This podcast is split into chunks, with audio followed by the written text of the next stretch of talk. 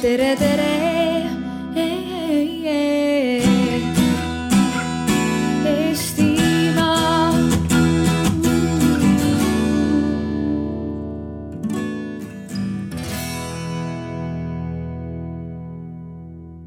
Kell on saanud kaks ja püüame alustada siis aruteluga, mis kannab pealkirja aastal kaks tuhat kolmkümmend viis õpin ja töötan, kui tahan. minu nimi on Karl-Andres Brenk, ma olen Eesti Noorteühenduste Liidu avaliku poliitika spetsialist ja esmalt suured tänud nii Riigikantseleile kui Rahandusministeeriumile kutse eest, et täna seda arutelu siin läbi viia millest me siis räägime, katsume käia läbi terve sellise elukaare, mis on ka selle strateegia koostamise üks lähtepunktidest. ehk siis alguses räägime kõigest, mida pakub üldhariduskool. liigume edasi tööturule ja siis sinnamaani, et kuidas siis tööturul äh, vastavalt enda eelistustega kohaneda, mingil hetkel võib-olla raja, rada vahetada või siis koormust vähendada sobival hetkel minuga koos on täna siin äh, panelistid ja eksperdid, keda ma siis kohe järk-järgult hakkan teile tutvustama ja kes saavad ka iseennast tutvustada. Äh, minu paremal käel on Gea Kruuse. võib aplausiga julgustada. temast paremal käel Ulvi Vilumets. Temast paremal käel Steven Hristo Evestus Nemad siis on meie panelistid, kellega me läbivalt äh, arutleme ja lisaks on meil ka veel kaks eksperti, kes siis äh, sobival hetkel sekkuvad arutelusse, jagades siis endapoolseid mõtteid kõlanud ideedele, ettepanekutele. Äh, Heleri Reinsalu Riigikantseleist. ja Tanel Ross Rahandusministeeriumist nii, kõigepealt siis ma panen osalejatele sellise küsimuse, et, et palun tooge esile midagi äh, mida te ei ole õppinud või omandanud nii-öelda formaalharidussüsteemis ehk siis mille kohta te ei ole saanud sellist formaalset diplomit, aga mille puhul te tunnete, et see võib olla mingisugune oskus, vabatahtliku töö kogemus, midagi sellist, mis on teid olulisel määral kujundanud või aidanud edasi kasvõi, kasvõi tööturu mõistes. kes soovib juba alustada, Gea näiteks? Minu puhul äh, kindlasti juhtimine, sellepärast et äh, just noorteorganisatsioonides äh, ma sain sellise aseesimehe ja esimehe kogemuse ja sellise suurte projektide, suurte tiimide juhtimise kogemuse, mida ma koolis kindlasti ei oleks saanud. aitäh. minul kui võrreldes oma vestluskaaslastega muldvana põlvkonna esindajal, eh, kes on oma hariduse saanud eh, kaugel nõukogude ajal, oli päris raske leida midagi mitteformaalset see võttis ikka aega. lõpuks leidsin, et see, see võiks olla reisimine. mitte, mitte turvaline, mugav paketireis, vaid viiekümne aastaselt esimest korda omal käel Indiat, India avastamine või Indoneesias seiklemine ja see, et olen teinud selliseid asju, mis viiskümmend pluss põlvkonna puhul ei ole väga tüüpiline, on andnud mulle julgust tõusta üleöö õpetajast vene kooli õppealajuhatajaks, osaleda direktori konkurssidel, äh, kandideerida tööle Pekingisse ja Peterburi. aitäh. Vau, aitäh ja tere tulemast ka minu poolt, et äh, ma juhiksin tähelepanu võib-olla kõigepealt kõige rohkem äh, sellele, et äh, süvendatult järgida neid huvisid, kutsumusi, mis sind muidu sellise igapäevase tegevuse kõrvalt saadavad. et ma arvan, et sellised tegevused on ilmselt juhtinud ka uute väljakutseteni. Aitäh! Ma annan ka ekspertidele võimaluse endapoolsed mõtted anda ja minu kogemus ka äh, kattub päris palju äh, Gea kogemusega, et, äh, et kindlasti, mida ma formaalharidussüsteemist ei saanud, aga, aga mis mind väga toetas, oli, oli aktiivne tegutsemine gümnaasiumi ajal siis õpilasomavalitsuses ja ülikooli ajal tudengi esindusorganisatsioonis ja, ja see kindlasti õpetas mulle nii protsessi juhtimise oskust kui ka, kui ka sellist julget eneseväljendust ja esinemisoskust, et et selline vabatahtlik töö ja, ja panustamine erinevatesse organisatsioonide tegemistesse ja, ja korraldamistesse kindlasti toetas. aitäh. no vot nüüd ma ei tea, kui see muld, vana nüüd muldvana on, mina olen viiekümne nelja aastane, nii et ma olen ka saanud hariduse nõukogude ajal. et äh, loomulikult see haridus, mis nõukogude ajal saadi, oli, sellel olid oma väga tugevad küljed. aga seal oli palju asju, mida üldse ei õpetatudki, nii et tegelikult ju kogu viimase kahekümne või kahekümne viie aasta jooksul vabas ühiskonnas me oleme kõik õppinud igapäevaselt oma igapäevases töös väga palju asju, mis meile koolis ei õpetatud. aga no teisest küljest võib ka öelda, et praegu võib igaüks õppida ma ei oska öelda, kas on formaalne või mitteformaalne, kui sa võtad mõnda online kursust, mis on täiesti ilma rahata saadaval ma olen vaadanud viimase paari aasta jooksul näite, kui viimase aasta jooksul näiteks Helsingi Ülikooli online kursust tehisintellektist või siis paar aastat tagasi IMF-i kursust äh, eelarvepoliitikast, nii et lihtsalt need võimalused praegu on väga suured, mis on tegelikult seal formaalse ja mitteformaalse piiri peal mulle tundub, et me võime arutelu ajaks täiesti oma vanused ära unustada praegult ja võtta lihtsalt needsamad kogemused ja, ja teadmised, mis meil olemas on ja mõelda selle pinnalt. sellepärast, et kui me mõtleme kasvõi sellesama kahe tuhande kolmekümne viienda aasta peale, siis, siis tänasel hetkel sealt on päris pikk maa nagu edasi hüpata ja, ja, ja see kuidas ma ütlen, meile endale nagu noortena meeldib öelda, et, et noored on just selleks hetkeks jõudnud sinna ikka, kus, kus oled need kõige aktiivsemad ühiskonnaliikmed, ehk siis see tasakaal on nii-öelda paigast äh, natuke teise suunda liikunud. aga et see ei jääks ainult nii-öelda rääkivate peade formaadiks nagu Foorumi saade, siis äh, te olete ennast väga mugavalt sisse seadnud, siis on mõnus, mõnus paslik hetk teid nagu korraks üles raputada. ehk siis ma palun teil püsti tõusta kõigil palun püsti tõusta ja, ja teha sellise mängu, et äh, ma ütlen teile ühe väite ma ütlen tegelikult viis väidet järjest, aga kui te tunnete, et see väide kehtib teie kohta, siis olge head, istuge maha ja mängul on ka teine reegel, et, et enam uuesti püsti tõusta ei saa. ehk siis mäng käib selle peale, kes viimasena püsti seisma jääb. ja esimene väide on selline, et ma töötan oma esimesel õpitud erialal ehk siis erialal, mida ma, mille, mida asusin pärast kesk- või siis kutsekooli omandama. mina juba istun maha. kui on jaa, siis aga tundub, et saame edasi liikuda teise väiteni. selleks, et töötada uuel ametikohal, olen läinud tagasi kooli ehk siis õppima asumise kraadiõppes on tinginud uus ametikoht ikka on veel seisjaid, väga hea. olen tööga seoses läbinud erialaseid täiendkoolitusi ehk siis kursused, mis aitavad ametialaselt paremini toime tulla.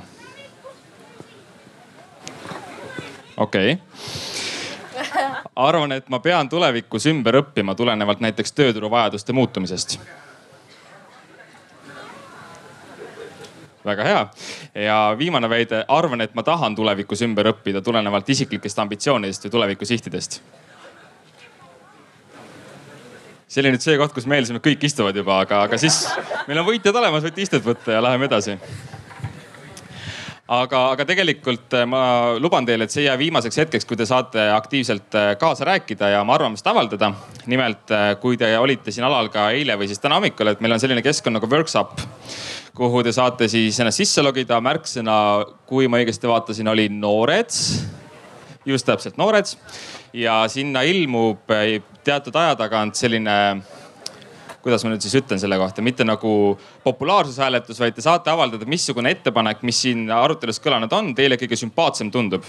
ehk siis valige välja, äh, viime läbi hääletuse ja siis küsin ka paar kommentaari publikust, et saate täpsustada, mis teile selle juures täpselt meeldis. et võit ei käi nagu mõisa peale, vaid lihtsalt, et tekiks mingi ettekujutus, et mis, mis nagu rohkem populaarsus kogus nii, aga liigume edasi kohe küsimuste juurde.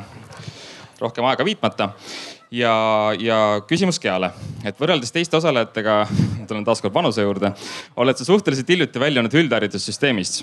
ehk siis kuidas sa hindaksid, kui suur osa sinu kogemuste ja teadmiste pagasist pärineb klassiruumist ja kui palju siis väljaspoolt klassiruumi, et nagu sa ise ka viitasid, sul on väga palju korraldamis, juhtimiskogemust, et kuidas sa selle nagu äh, tasakaalu paigutaksid või nagu suhtesse paigutaksid? Selgituseks, et ma olen siis äh, kahekümne nelja aastane ja mitte nüüd värskelt gümnaasiumi lõpetanud, vaid värskelt magistri lõpetanud. aga nüüd tagasi vaadates äh, Äh, ma käisin Viimsi keskkoolis põhikoolis ja siis läksin keskkooli Prantsuse lütseumisse ja enne lütseumisse minekut ma arvasin, et see muudab mu elu super täielikult ja et ma olen pärast täiesti teistsugune inimene kui ma oleks näiteks olnud äh, Viimsi keskkoolis. ja nüüd tegelikult, äh, kui ma ütlen, näiteks ma olen praegu siin, siis tegelikult see ei ole seetõttu, et ma olin äh, Viimsi keskkoolis või Prantsuse lütseumis, vaid just vabatahtliku tegevuse tõttu, sellise aktiivse ellu suhtumise tõttu. ehk siis ma ütleksin, et vähemalt hetkel on see nii-öelda kooliväline tegevus äh, olnud isegi olulisem. ja, ja see aitas mind ka kindlasti esimeste töökohtade puhul äh, ja nii-öelda äh, aitas luua kontakte ja võimalusi. nii et ma ütleksin, et minu isikliku kogemuse põhjal pigem jah, isegi see mitte niivõrd üldharidus, vaid isegi see nii-öelda siis kooliväline tegevus aga kas sul kooli ajal jäi nagu see tunne, et, et sedasama, mida sa omandasid väljaspool klassiruumi äh, kuidagi tunnustati või selles mõttes, et kas seda, kas see oli nagu okei okay, selles mõttes, et sa lähed näiteks, ma ei tea, puudud ühe koolipäeva selleks, et mingisugust üritust korraldada või teha. või pigem oli see see, et noh, hea küll, et mine siis tee, aga et, et ega kooli asjad tuleb ikka ära teha. ai ma seda küsimust nüüd ei oodanud, et äh, jah, Viimsis oli selline väga positiivne suhtumine ja kuna mul olid väga head hinded, siis äh, kõik oli super luks. aga jah, Lütseum on rohkem selline õpikallakuga kool, et ähm, ütleme nii, et mul oli raskusi äh, selle ähm, õpetajate veenmisega, et ähm, et see kooliväline tegevus on ka oluline ja mitte ainult nagu supiköök. et ähm, kuigi supiköök on ka muidugi väga oluline. aga, aga jah, ütleme nii, et äh, mul oli pehmelt öeldes äh, raskusi ja erimeelsusi õpetajatega korduvalt jah. aga lõpetasin ja kõik on hästi tuleb tuttav ette. Eh, tuleviku, eh, Ulvi, tulevikutrend on, et kogu haridussüsteem liigub rohkem sellisele terviklikumale pädevuste käsitlemisele. ehk siis inimkeeli haridussüsteemi ülesandeks on kujundada inimesi, kes on avatud uuele, on iseseisvad, julgevad ja oskavad pidevalt õppida, suudavad kiiresti valikuid teha, loovalt mõtelda, tegutseda. väga palju ootuseid ühes kohas koos seda kahtlemata saab ja, ja kindlasti ka peab arendama klassiruumis, aga nagu ma siit ennem üritasin ka suunata, et oluline roll on just mitteformaalsel haridusel ja sellel, mis jääb nende klassiruumist väljapoole. Et kuidas seda nagu praktiku vaatest äh, näiteks õppekava täitmisel hea oleks arvestada, nii et õpetajad ei upuks sellisesse ülemäärasesse bürokraatiasse ja õpilane saaks oma teadmised ja oskused äh, süvendatud, mitte siis uuesti üle korratud. Teate, üldpädevustel ei ole tegelikult mitte midagi viga ka praeguses õppekavas koostades viimast õppekava, kuhu esmakordselt need üldpädevused sisse kirjutati, oli tegelikult idee selles, et kui iga õpetaja oma ainekava oskuslikult ellu viib, siis lõpptulemuseks ongi üldpädevuste saavutamine ja õppekava moodustaks nagu ühtse terviku. nüüd oleme jõudnud selleni, et rebime need üldpädevused sellest õppekavast välja. justkui see oleks mingi asi iseeneses. ja siis murrame pead, kuidas igaühte nendest eraldi arendada. mulle tundub, et meie põhiline häda on selles, et me kirjutame sellised põhimõttelised muudatused seadusesse sisse enne kui me oleme need nendega, kes, äh, kellesse see otseselt puutub, läbi arutanud ja jätame tegemata vajalikud ettevalmistused. Äh, minu kolmekümne kaheksa tööaasta jooksul oleme me sellesse ämbrisse korduvalt astunud ja mulle tundub, et astume veel. Sama asi on juhtunud Äh, kujundava hindamise, lõimingu, üleminekuga eestikeelsele aineõppele, mis siiamaani vinduvad.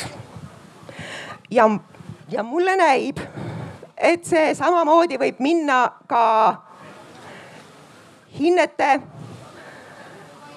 koduste tööde, põhikooli lõpueksamite kaotamise ja ühtse Eesti kooliga lihtsalt head ja väärt ideed muutuvad praktikas millegipärast farsiks. tegelikult ma ei tahaks, et Eesti oleks riik, kus rahva arvamust küsitakse ainult kahel päeval aastas Paides.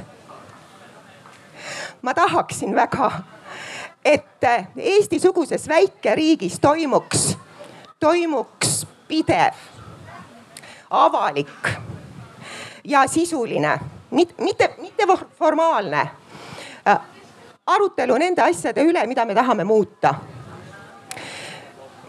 aga kahjuks me ei õpi oma vigadest ja, ja meile meeldib alustada lõpust, mitte algusest. aitäh äh, ma mõtlen praegu, kuidas siit nagu liikuda selle peale, et kui ma nagu olen kogu aeg siiamaani rõhutanud, et, et mis väljaspool klassiruumi toimub, siis mõtleks korra sellesse klassiruumi sisse nüüd.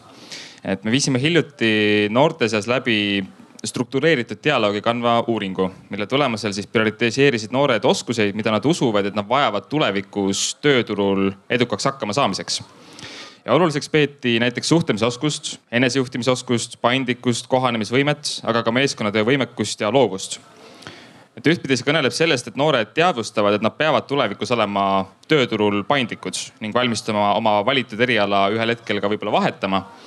aga teisalt, kuidas juba kooliõpingute vältel sellist paremat arusaamist erinevatest väljavaadetest tekitada või, või siis pakkuda soovi korral võimalust esmaste oskuste omandamiseks, et kas teil, see on küsimus kõigile panelistidele, et on teil nagu häid soovitusi või mõtteid selles osas?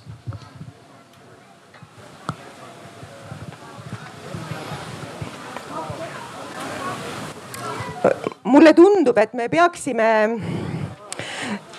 suutma kokku leppida nendes oskustes ja omadustes, mida me kujutame ette, et võiks aastal kaks tuhat kolmkümmend viis vaja minna. ega me keegi ju seda ei tea, mida tegelikult vaja läheb.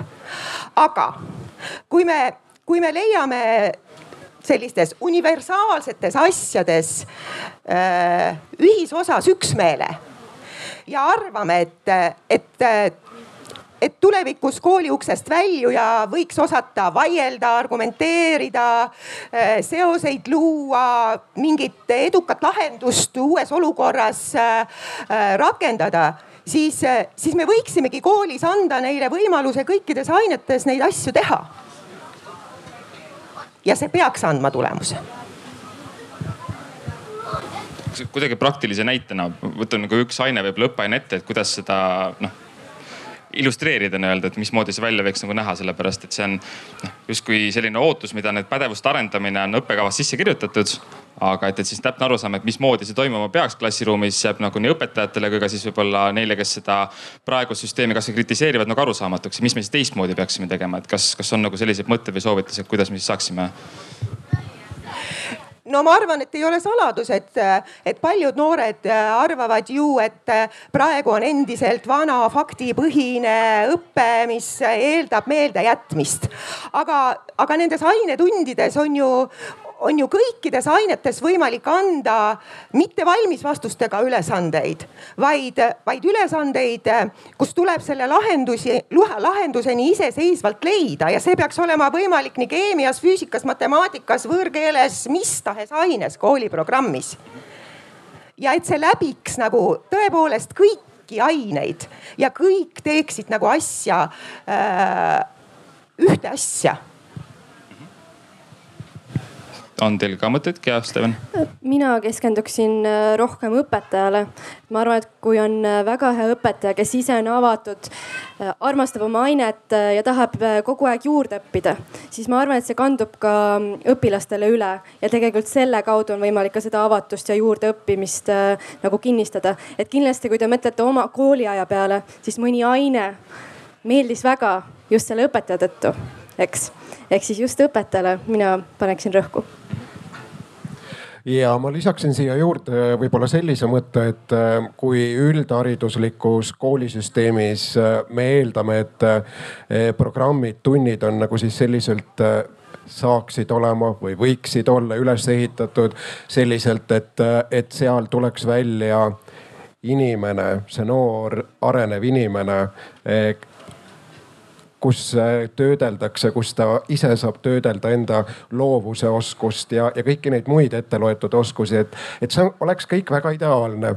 aga kindlasti võiks äh, mõelda sellele, et, äh, et mingil kujul võiks see isikuomaduste arenemine ja selle loovuse arendamine tulla kõne alla ka aineprogrammis täiesti eraldi, et kus oleks nagu sellised loovus vaba ainetunnid, kus nagu tegelikult siis õpetaja, õpetajad nagu on tegelikult siis tegelemas äh, süvendatult äh, selle inimese arendamisega.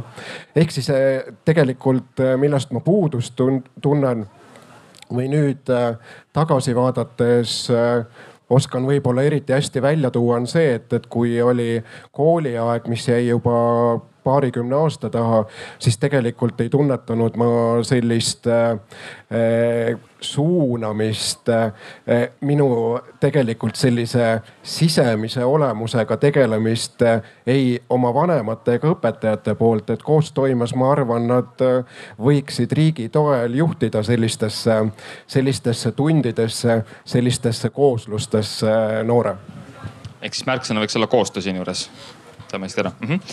Me oleme viimased veerand tundi halastamatult haridussüsteemile nagu puidladunud, et äh, Steven, ma küsin, et ühes intervjuus oled sa märkinud, et sinu juhitav Vaba Lava võiks olla keskkond, kus austatakse loomeprotsessi ning tegijaid ega unustata hetkekski meeskonna vajadust ja tunnetust Äh, kas usud, et analoogset põhimõtet annaks juurutada ka näiteks tööturul ja mida peaks tegema teisiti, et täna sellise tulemuseni jõuda, et kasvõi noh, kui läheme siis korraks veel selle haridussüsteemi ja koolisüsteemini välja, et mida saaks sellise eesmärgi saavutamiseks teha teisiti kui praegult? Jah, eks see mu eelmine vastus oligi sellega veidi seotud, aga, aga need äh, sellised põhitunnused, hea äh, hea organisatsiooni loomiseks äh, olen ma tuletanud äh, just sellest, äh, sellest oma kogemusest, oma pikaaegsest kogemusest hoopis teises organisatsioonis. ja ma arvan, et ma julgen teha jah järelduse, et, et meeskonnatöö, see määrab ära väga paljut. kui nüüd olla teinud nagu mõned sammud, siis kunstide, teatri suunas, siis loomulikult tuleb mängu eriti tõsiselt ka loovus. Et tegelikult äh, seetõttu ma nende ühendamisest rääkisin, et, äh, et tihtilugu äh, unustatakse ilmselt see sellistel platvormidel ära, et, et juhid tegelevad juhtimisega ja, ja loojad loomisega, aga tegelikult äh, peaks olema kõik äh, läbi põimunud ja inimesel peaks olema juba kaasas need eeldused, et, äh, et, et üheskoos toimida ja võib-olla sealt need mured hakkavad tulema ja pigem ma nagu proovisin sellise märkusega siis vältida tulevikus muresid aga mis puudutab äh, tööturgu, siis ma arvan, et äh, tööturul peaks loomulikult äh, ka nendest põhimõtetest lähtuma ja, ja see on kindlasti, see on kindlasti võimalik. et, et eeldused peaksid olemagi kaasa antud ju tegelikult selle süsteemi poolt, kooli haridussüsteemi poolt, kus me tuleme. Ja tööturg peaks neid vaid juurde soodustama nii ja olemegi jõudnud äh, esimese ploki nii-öelda lõpuossa, kus siis äh, võiksid kõlada teie poolt ettepanekud või soovitused, et mida siis tulevikku vaatavalt, pikalt vaatavalt äh, muuta, arendada, teistmoodi teha. kes iganes soovib alustada, võib anda avalöögi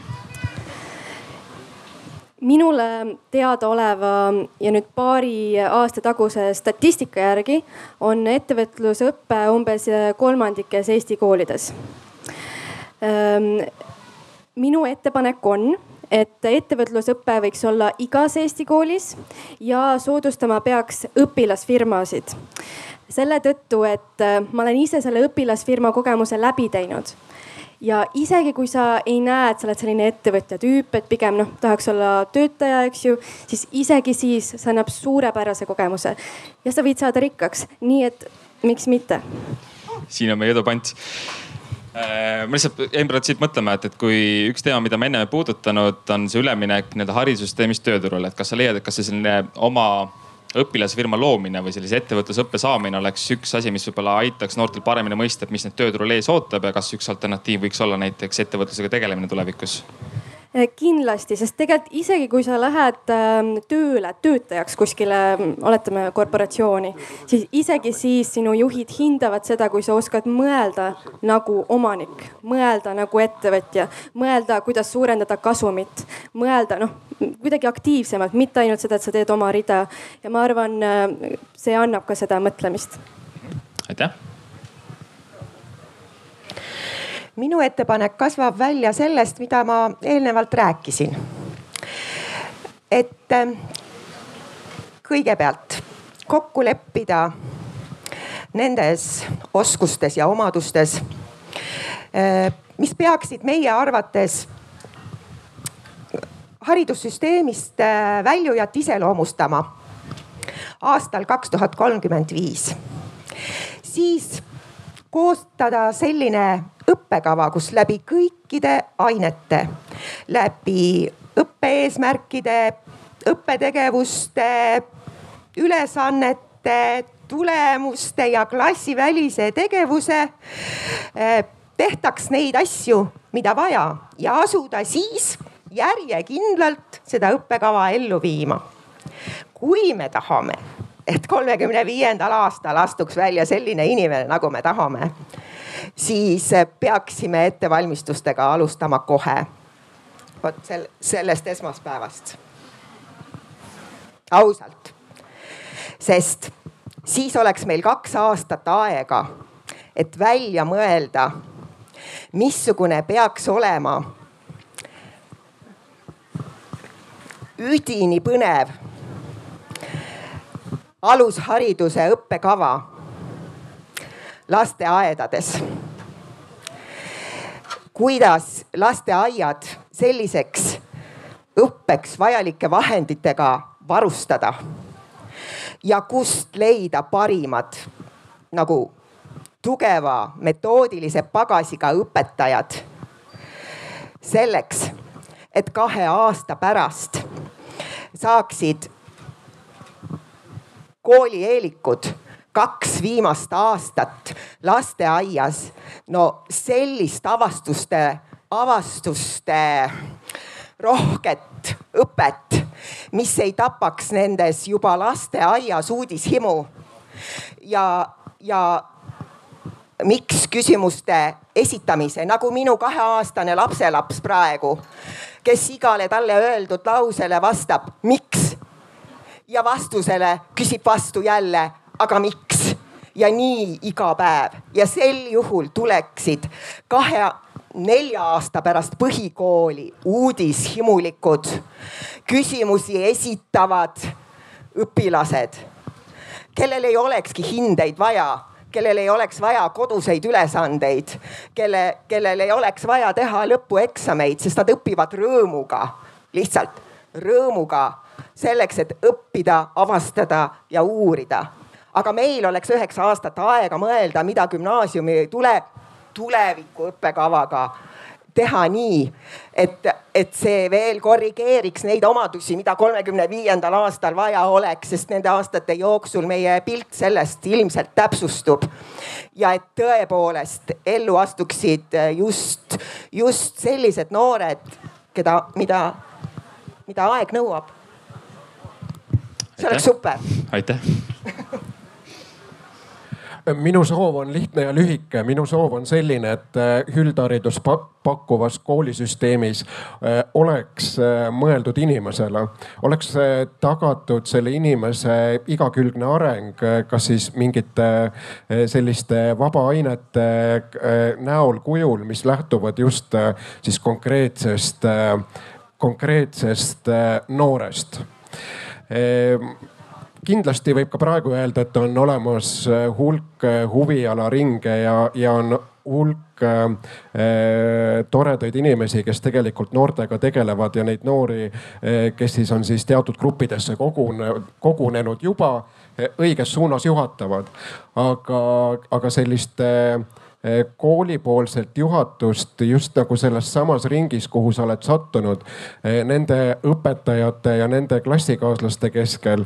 et eh, ma, ma arvan, et, et seal annab ka üht-teist midagi teha, et, et mingi hulk ei jääks tagaritta ja märkamata. ja hiljem võib-olla pikemalt oma kohta otsima. nii, väga hea. ettepanekud on kõlanud. ma soovitan otsida teil välja nüüd oma nutiseadmed sisestada brauserisse järgnev aadress worksup.com, kes veel aru ei saanud, siis saab sealt vaadata selle tahvli pealt, mis on puu küljes. ja kui ta küsib teilt koodi, siis selleks koodiks on noored. ja kõik needsamad kõlanud ettepanekud on seal hääletamiseks. Te saate anda oma hääle meelepärasele sobivale ettepanekule, mida te toetate. ja seniks, kuni te oma valikud teete, ma annan siis sõna ekspertlauda. Ehk siis kuidas te eelnevat mõttevahetust ja kõlanud ettepanekuid kommenteeriksite? ja aitäh panelistidele ja Ehm, taustainfoks räägin ehk nii palju, et praegu siis ehm, on Riigikantselei ja, ja rahandusministeeriumi poolt ehm, äh, käimas Eesti kaks tuhat kolmkümmend viis loomise protsess, kus, kus oleme erinevate ekspertidega üsna tihedalt koostöös erinevaid teemasid arutanud ja paralleelselt on siis Haridus- ja Teadusministeeriumil käimas ka haridusstrateegia kaks tuhat kolmkümmend viis koostamisprotsess. Et needsamad teemad, mõtted, valukohad, probleemkohad ja, ja uued lahendused on, on igapäevaselt ametnike töölaual täiesti olemas ja, ja arutluse all et äh, üks suur suund, mida kindlasti võib juba täna välja tuua, mis nendest aruteludest on välja tulnud, on seesama personaliseeritud äh, lähenemine, mida tegelikult äh, siin ka välja toodi, et et liikuda rohkem sinna suunda, et õpe muutuks lastele võimalikult individuaalseks, nende vajadusi, võimeid arvestavaks. et klassiruumis õpetaja saaks võimalikult palju arvestada sellist äh, konkreetse õppija vajadust ja kindlasti on üks suur suund ka õpetaja rolli äh, ümbermõtestamine. et õpetaja peaks järjest rohkem liikuma siis äh, nii-öelda tavapärasest õpetajast pigem selliseks mentoriks, kes toetab noort last sellisel iseõppija, õppijaks äh, kujunemisel ja arenemisel. ja, ja see on kindlasti üks suur suund, mis äh, hariduspoliitiliselt siis praegu on võetud ja mis aastaks kaks tuhat kolmkümmend viis siis peaks tagama selle, et, et need haridussüsteemist äh, väljujad või nii-öelda koolilõpetajad oleksid võimalikult aktiivsed, julged ettevõtlikud, ennast teostavad äh, inimesed. siinkohal võib-olla selle haridussüsteemist väljuja mõiste kohta ütleksin veel nii palju, et noh, ideaalne oleks ju kui see, kui haridussüsteemist väljujaid ei olekski, et nii-öelda oleks ikkagi ühiskonnas tavaline norm see, et on hinnatud ja väärtustatud elukestev õpe ja, ja iga teatud ajaperioodi tagant inimene täiendab ennast ja, ja õpib vajalikke oskusi juurde, sest see meie ümbritsev tööturg on ju järjest kiiremini muutuv ja, ja kohanemisvõimet nõudev? mitte ainult tööturg, vaid maailm tervikuna muidugi äh, raske, väga raske on lisada sellele, mis Eleri omalt poolt nii-öelda eksperdina lisas ja, ja nendele headele mõtetele. kindlasti ma toetaksin seda jätkuvat tähelepanu äh, nüüd, kui konkreetse ettepaneku juurde minna ettevõtlusharidusele ja võib-olla üleüldse inimese jaoks nii-öelda finantskirjaoskusele, et inimene teaks, kuidas oma või me teaksime juba suhteliselt noorest põlvest peale, mis meid, mis meid maailma sees ootab äh, ja, ja kuidas me oma finantsasju peaksime ajama, et, et me ei jääks, ei jääks ähm, lootusetusse olukorda, mis muidugi on üks osa elus toimu-, hakkama saamisest. teine lühike kommentaar.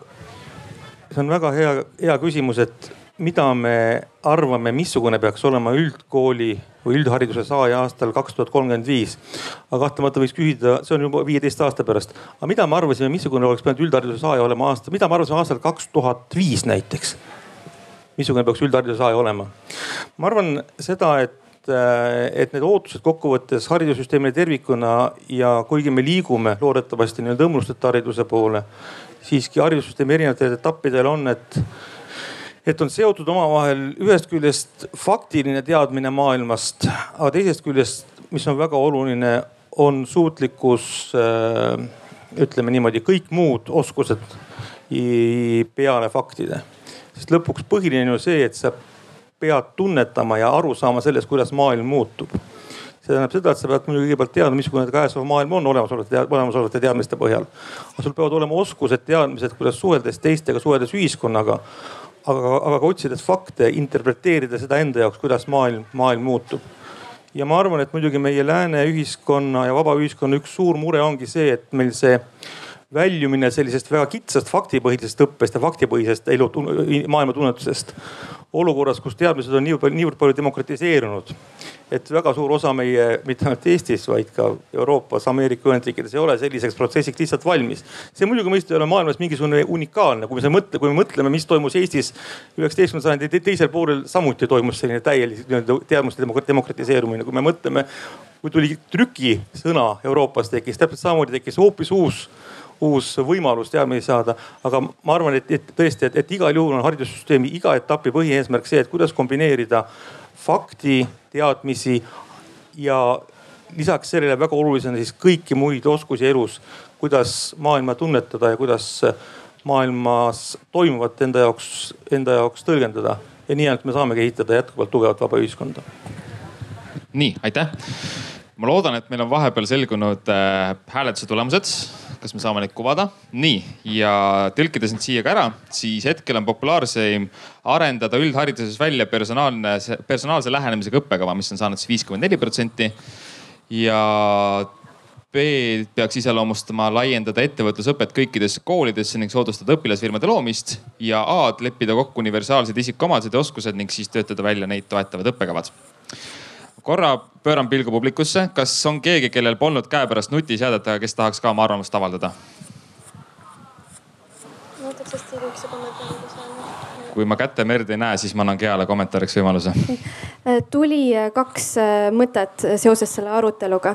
esiteks hinnete andmine, et siin ähm, minu kõrvalpanelistelt tuli äh, tuli mõte, et pigem tulevikus hind, hinde, hindamist oleks vähem, eks ju nüüd mul on selline tunne, et selline reitingute ähm, süsteem pigem suureneb. Ehk siis kujutage ette, te vaatate näiteks mingi visuaali peale, te näete näiteks oma klassikaaslastega võrreldes protsentuaalselt näiteks, kui tugev on teie inglise keel, matemaatika ja nii edasi. või kui te mõtlete ähm, mingite äppide peale, siis seal ka, eks ju, me näeme reitinguid, Google reitinguid ja nii edasi. et ma arvan, et see läheb aina täpsemaks ja see võib olla ka motiveeriv. sellepärast, et sa näed nagu väga tugevat seda tagasisidet. ja teine persona, personaliseeritus tulevikus on äkki näiteks mingi robot, kellega sa õpid koos inglise keelt ja tuleb, ta kuuleb kohe, kui sinu, sinu hääles on näiteks hääldusvale ta annab sulle kohe tagasisidet. ehk siis ma arvan, selline personaliseeritus äh, suureneb ka väga tore, ma korraks küsin veel, et kas, kas kellelgi ei ole soovi vahepeal sekkuda, ma näen ühte kätt. ja üks hetk, ma tulen mikrofoniga sinna et just see, mis siin äh, jäi lõpetama seda teemat, et mis see lisaasi, et ma näen, et no koolist ja nagu edaspidi, et see vaimsus on puudu, et mis seda inimest hoiaks nagu tervena, see vaimne tervis ja mis, mis see vaimsus on, see ongi suhe iseendaga, oma lähedaste, oma perekonnaga, äh, kogukonnaga, ühiskonnaga, kõik see kokku. et selline nagu teadmine nagu oskus võiks tulla, teadlikkus nagu aitäh. ma siit võib-olla teeksingi ülemineku teisele teemale ja teeks seda läbi siis selle, et eh, tehnoloogiat, noh, me ei saa seda paratamatult eitada, et tehnoloogia tuleb ja, ja sõltub lihtsalt sellest, et kuidas me tehnoloogia tulekusse suhtume et seesama uuring, millele ma ennem viitasin, mis me noorte seas läbi viisime, et noored tunnetavad, et see tehnoloogia mitte ei võta neilt ära siis mingisuguseid võimalusi ega sea ette barjääre, vaid vastupidi, näiteks automatiseerimine vabastab mingitest tegevustest, jättes aega teisteks tegevusteks, millele siis nagu rohkem tähelepanu pöörata. see on minu nagu tunnetuslik äh, pilt, millele ma ka mõnes mõttes eileõhtusest arutelust natuke kinnitust sain, et kuidagi meedia poolt või siis selles avalikkuses jäänud mulje justkui meil on tehnoloogia areng see, mis võtab ära meilt lihttööd, äh, jättes inimesed ilma tegevuseta. ja, ja see ongi nagu selline, kuidas öelda, kulude optimeerimise koht, et me saame sealt nagu siis hoida justkui nagu tööjõukulusid kokku, onju. aga et kuidas seda noh kuidas seda arusaama ümber pöörata või muuta, et me ei näeks enam tehnoloogiat vaenlasena, vaid me näeksimegi selle võimalusena, mis laseb meil pöörata siis oma tähelepanu aega kuhugi mujale ja see, et, et sellega kaasneb siis mingisugune muutus tööturul, ei oleks siis selline noh, ütleme need paratamatus, millega ei ole võimalik kohaneda. kui on mõtted sellel teemal? ma arvan, et esiteks äh, tuleb aru saada, et äh, tehnoloogiline areng on olnud meiega koos väga pikalt ehk siis, kui te mõtlete näiteks, et äh, kui oli aeg, kus inimesed olid, eks ju, farmis, on ju, olid põllu peal, ma ei tea, mida iganes nad seal tegid, ma ei tea midagi farmi elust. ja, ja siis üks hetk äh, oli industria äh,, industria, industrial revolution, eks ju, ja, ja pidi minema kokku tehastesse on ju, ja see mõjutas väga palju tööturgu ja nii edasi, eks ju, kogu aeg olid, äh, on olnud äh, tehnoloogilist arengut ja ma arvan, et see lihtsalt jätkub ja me oleme siiamaani saanud hakkama muidugi peab olema tark ja seda nagu aru saama ja pakkuma ümberõpet ja nii edasi, eks ju. aga ma arvan, et me saame sellega hakkama, sest me oleme seni ka hakkama saanud võib-olla täpsustan küsimust, et seesama see ümberõpe, mis siia nagu märksõna sisse tuli. et kas see noh, sellega haakub ka võib-olla see, mis siis selle strateegiaprotsessis kaasas käib, et me enam ei mõtleks selle peale, et me õpime ühe eriala selgeks ja püsime sellel erialal järgmised kolmkümmend, nelikümmend aastat või siis ideaalis kuni pensioniikka jõudmiseni. vaid et noh, näiteks kolm eriala igale inimesele elu jooksul, eks siis ongi loomulik, et sa muudad ühel hetkel oma seda valitud rada. et kas see peaks olema midagi sellist, mis tuleb loomulikult ühel hetkel sinuni või me peaksime hakkama seda juba koolisüsteemist peale juurutama, et, et seda mõtteviisi, et, et miski ei ole sinu jaoks enam jääv. et sa lihtsalt kas ise vabatahtlikult või siis mingisuguste muutuste tuules peaksid nagu vahetama rada ühel hetkel ma arvan, kindlasti äh, tasub sellest rääkida ja juurutada ja nagu aru saada, et inimesed oleks valmis selleks. ma arvan, et noored ka paljuski saavad sellest aru ja ma arvan, et ka lugemine ja lihtsalt nagu oma mõttemaailma avardamine on kogu aeg, mis aitab. et äh, paljud teist need näiteks teevad Kaifu liid okei okay., mitte keegi, igatahes äh, otsige ta ülesse, ta on äh, väga suur äh, Hiina ettevõtja ja tema raamat ai superpowers räägib ülihästi kõik lahti, et kuhu meie maailm läheb tehnoloogiliselt ja mis siis juhtub äh, töökohtadega. Ja hästi selline hea realistlik ja väga mõnus lugemine, et väga soovitan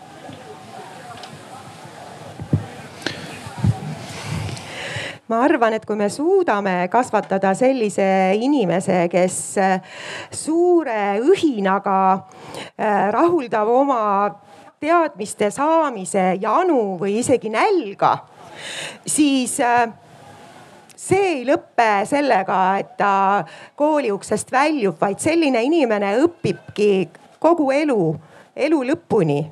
sest, sest temas on see sees ja, ja ta teebki seda ilma igasuguse vä välise surveta äh, ja, ja sundimiseta no ei saa olla ikka nii, et inimene seadistatakse kooli ajal ära ja jääb hiljem tegutsema ainult selle ajal, et tegelikult see areng on loomulikult kestev. Ja, ja nagu see üldse tagabki selle, et, et, et ühiskond edasi läheb, et, et, et kahjuks ei ole see selline lähenemine olnud kogu aeg soositud ja meie ühiskonnas on seetõttu erinevad vaated, erinevad seisukohad, need põrkuvad aga, aga tulevik peaks olema palju-palju positiivsem see on selline tunnetuslik küsimus jälle, aga kuidas teile nagu paistab, et äh, kas me lõpuks oleme üle saamas sellest kutseõppe ja siis versus keskhariduse gümnaasiumis omandamise nagu vastuoludest, et kui siin oli, käis märksõna läbi selline õmblusteta haridussüsteem ja personaalsem lähenemine.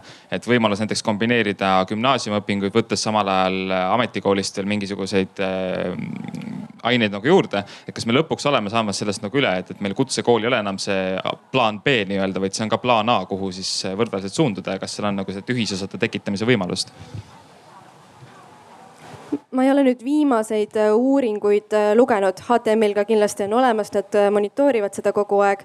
ma arvan, et asjad on läinud palju paremaks aga ma arvan, et mis veel aitab, on see, et ka tööturg nii-öelda paneb mingil määral asjad paika ja inimene kalkuleerib, eks ju, mõtled, okei okay,, ma tahaksin äh, näiteks saada programmeerijaks, on ju, teen erilavahetuse. okei okay,, kas ma lähen kolmeks aastaks tagasi ülikooli või teen näiteks aasta aega või kaks aastat kutsekooli, mis on näiteks ka väga hea praktiline ja seal on nagu head kogemused, eks siis, siis sa ka nagu mõtled, et ma arvan, et asjad on läinud paremaks ja küll lähevad veel paremaks ma, ma arvan, et kutseõppeainete õpetamine põhi, koolis on äh, selles mõttes päris hea idee, et võib-olla murrame õpilastes sellega barjääri kutsekooli mineku ees. andes neile justkui äh, aega otsustamiseks, kas gümnaasium või kutsekool.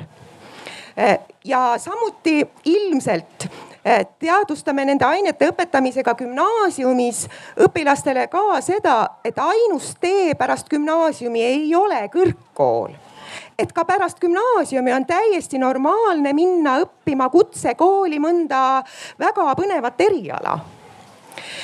aga mm, õpetajana tean küll seda, et äh, vanemate hoiakuid ja eelarvamusi kutsekooli suhtes on väga raske murda. ja seda hirmu, äh, vanemate hirmu et kutsekooli minnes äh, satub laps halba seltskonda, ei õpi midagi, et seal õpivad ainult luuserid.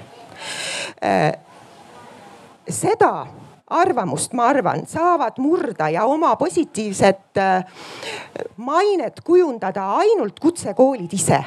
Äh, näiteks tulles, tulles ise äh, koolidesse õpilaste ja nende vanematega kohtuma, kutsudes neid koha peale kutsekooli tutvuma või siis korraldades näiteks põhikooli ja gümnaasiumi õpilastele põnevaid avatud üritusi.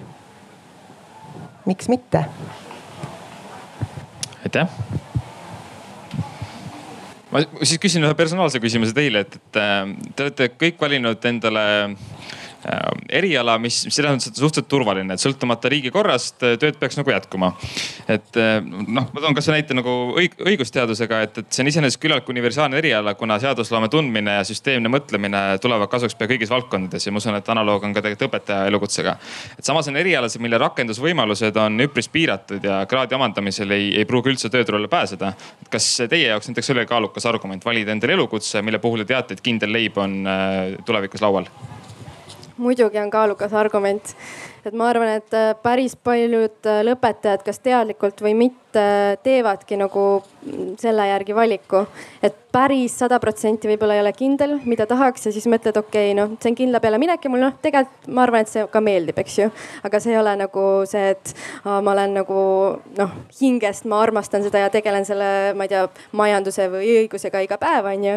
vaid see on pigem selline okei okay,, et ma lähen siis sinna, et ma arvan küll, et see on äh, päris, päris kaalukas argument paljude gümnasistide jaoks? ma arvan, et et õpilasi tuleb koolis harida selles mõttes, et nendel oleks ettekujutus olemas mingisugunegi, mil, millistel erialadel on tulevikku ja millistel mitte. et valida see tasuv töö nende erialade hulgast, millel ilmselt võib see tulevik olla, aga mitte valida kohe seda, mida juba valides tead, et sellest ei tule midagi head. aga, aga personaalne küsimus ikkagi. kas, kas oli ka mõttes või, või pigem ei olnud see? minul, mina teadsin esimesse klassi minnes, et ma tahan õpetajaks saada, nii et selles ei ole mingisugust äh,. väga sihikindel ja ma võin ka vastata kiirelt, et, et ka mind suunati kindlate valikute poole, et, et ilmselt äh, kindlasti selline õigusteaduse kraadi omandamine seda oli ja, ja ega sellele vastu ei saa vaielda. aga üks kommentaar siia juurde on see, et ilmselt äh,, ilmselt tulebki äh, mingitel hetkedel äh, selliselt käituda, et kui soovitakse sellist äh, turvalisuse, kindlustatuse tunnet, et katsetada ennast muudel erialadel, siis omandada saavutada see, see üks, mille juurde võib äkki ikka tagasi pöörduda või mis võib abistada teistes toimetulemist, nii et, et ega see täiesti vale ka ei olnud. No Ulvi jõudis natukene minu järgmise küsimuseni välja, et, et see, et kes selle valiku siis peaks nagu, kes selle valikuni peaks suunama või aitama siis vajadusel, et, et kas see kui me, kui me vaatame kasvõi neid äh, prognoose, mis OSKA kutsega alt on viimastel aastatel välja tulnud, siis tegelikult sealt annab mingisuguseid suundumusi nii-öelda täheldada, et, et kuhu suunda võiks minna, kuhu pigem mitte. aga kas kokkuvõttes on see, on see risk, mis peaks jääma iga inimese enda kanda, omale siis äh, koolivalik teha või erialavalik teha? kas peaks riik siinkohal jõulisemalt sekkuma ja hakkama siis äh, kasvõi, kui me praegult on nii-öelda tasuta kõrghariduse süsteem, jutumärkides tasuta kõrghariduse süsteem. et kas siinjuures peaks hakkama mingeid erandeid looma, kas tööjõuvajadustega mitteühtivaid erialasid kuidagi piirama või on siin üldse mingi kolmas lahendus, et kumba varianti lähenemist te eelistate? Ma arvan, et kindlasti peab riik äh, suunama, aga noh, võib-olla mitte sada protsenti, et, et kui parasjagu tööturul ei ole vaja, ma ei tea, õlimaalijat, eks ju. siis äh, ei, ei tähenda nüüd kohe, et selle eriala peaks kinni panema, aga üldiselt jah, äh, riik peaks siis kas kuidagi toetustega, eks ju, õppekohtade arvuga pidevalt seda seirama ja noh, seda tegelikult ka tehakse. sest et ega noh, koolid on ju, eks meid produtseeritakse töötajaid, eks ju, et see on ju tööturul, eks ju. kui nüüd väga-väga pragmaatiliselt ja kitsalt vaadata. et ähm, ehk siis jah, vastus on jah koolipraktikast tean, et,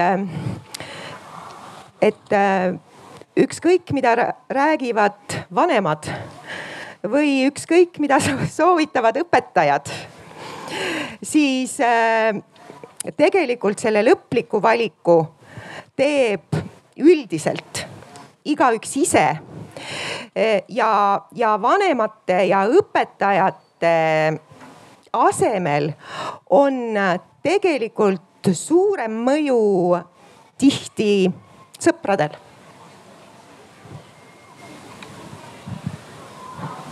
Ja eelmise ploki mõjul ma ikkagi praegu teen selle otsuse pigem sellise, et, et, et ikkagi see inimene ise otsustab selle üle, milline saab olema tema tulevik ja selle eest ei saa ka keegi vastutust võtta. et eh, loomulikult eh, kõik need tegurid, riik, eh, vanemad, sõbrad, kool, kõik, kõik nad mängivad rolli, aga nad ei saa olla vastutajad. väga hea Stevenile küsimus, et riigiprokurörist läbi IT-sektori kultuuriasutuse juhiks. Et millest tulenes soov selline suhteliselt turvaline karjäär välja vahetada ja kuidas tunnetasid sisenemist karjääri valdkonnas, kus nagu isegi oled intervjuus viidanud, valitseb teatud selline suletud ringi atmosfäär? Et noh, tuues nagu paralleel teatris praegu, et kui laval on püss, siis see püss peab nagu pauku tegema, et kui meil selline inimene siin on, kelle käest küsida seda rahavahetuse teemat, siis, siis ma selle küsimuse ka esitan no ja see on ilmselt, vastus on äh, selles osas lihtne, et ma ei visanud neid varasemaid väiteid niisama õhku. et eks ma olen nagu seda eneseanalüüsi teinud nagu juba mitme aasta kestel ja et, et mingi otsus ei ole sündinud üleöö. ja, ja see kõik on äh, toimunud nagu sellise sügava-sügava mõttetöö tulemusena. nii et nagu ma ei saa ennast tuua heaks näiteks või, või näiteks nagu sellest, et, et tehke nii nagu mina, sest et, et, et loomulikult loomulikult äh, see nõuab väga paljude tegurite kokkulangemist. ja tegelikult äh, võib-olla tähendabki see seda, et, et ma jõudsin äh, kaks olulist asja, et ma jõudsin teha nii-öelda karjääri. ma jõudsin nii-öelda nagu siis ütleme kõik võimalikud ülesanded ära sooritatud, mida mu elukutse mulle pakkus. ja kõik edaspidine oleks olnud äh, mingil määral kordamine ja selline rahutus ajas taga juba mõnda aega ja, ja vot siin me jõuamegi selleni, et, et kas ma olin veel millekski ette valmistatud, et, et kas ma nagu oleksin võinud veel midagi teha, ei olnud, olingi omandanud selle elukutse ja oleks võinud nagu midagi sellega külgnevas kuskil arus midagi teha. et, et aga, aga ma ei, ma ei osanud tegelikult midagi midagi muud. Ja siin tuli mängu see, et aga ma olin millegi vastu väga sügavalt mitukümmend aastat huvi tundnud ja millegagi süviti kursis olnud. Ja see kutsus äh, mind äh, kutsus mind ja, ja, ja seetõttu ma leidsingi eh,, leidsingi peale seda esimest otsust lasta vabaks endisest elust.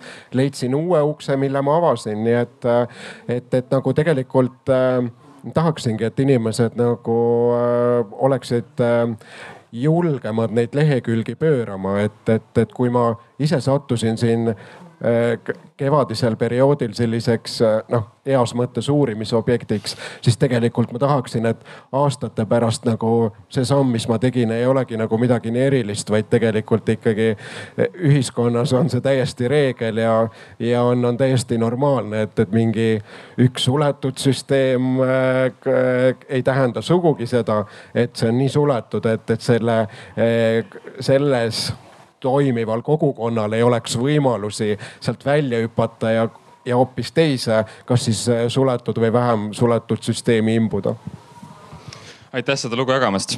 Äh, ma siit hüppan kohe ka teiste panelistide poole, et äh, mis teid julgustaks edasi rada vahetama, kui selleks peaks nagu soov tekkima, et mitte nagu vajadus tekkima, vaid soov tekkima, et valida endale mingisugune uus kutsumus. et mis, mis oleks need julgustavad äh, tegurid teie jaoks? Umbes äh, aasta aega tagasi, äh, kui mul oli ees äh, magistri siis viimane aasta Tartu Ülikooli õigusteaduskonnas, ma sain aru, et mulle meeldib IT. sest ma lugesin IT-raamatuid, mulle hullult, hullult meeldis see. ma tegin veebilehti tuttavatele ettevõtetele ja nii edasi. siis ma mõtlesin, okei okay,, ma teen magistri lõpuni vahetasin äh, riigihangetest, äh, riigihangete teemalt äh, välja ennast IT-õiguse ja Euroopa Liidu õiguse teemale. ja siis nagu leidsin seal rohkem selle jah, IT-suuna ja ma jäin oma magistritöö, tööga väga rahule, te võite seda tšekkida, see on internetis olemas, väga huvitav.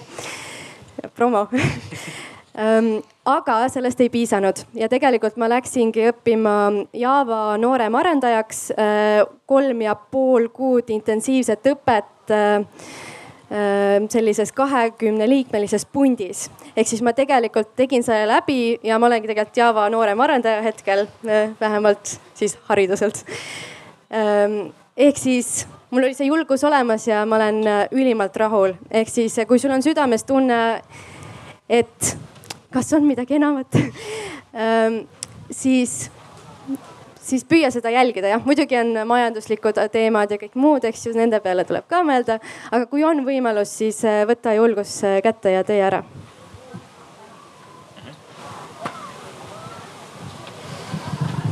julgusest astuda välja oma põlvkonna raamidest juba rääkisin. Äh, aga kuna olen kogu elu siiamaani õppinud ja teinud seda ainult oma sisemisest motivatsioonist siis tegelikult võin öelda, et ega mul ei ole mingeid väliseid mõjutajaid vaja selleks, et äh, midagi uut õppida. ehk siis ikkagi see, mis tuleb seestpoolt, on ja. olulisem mm. -hmm nii, aga sujuvalt jõuame siis äh, välja ettepanekuteni. ehk siis, mis teie mõtted on, kuidas toetada eriala sujuvat vahetamist, sealjuures asumaks vajaduse või soovi korral tasemeõppesse, läbimaks täiendkoolitust või siis kombineerides neid tegevusi omavahel see on ka vihje kõigile kuulajatele, et otsige välja oma nutiseadmed, pange valmis ka küsimused, saate kohe asuda hääletama. jah oma värskest kogemusest, mul tegelikult oli ettepanekuid palju, aga ma toon ühe, mis minu arust oli väga suure mõjuga. nimelt meie kahekümne liikmelise pundi peale, kus oli vanu inimesi, mina olin kõige noorem, kusjuures keskealisi inimesi. meie selle pundi peale oli üks imeline mees nimega Egert Mitt.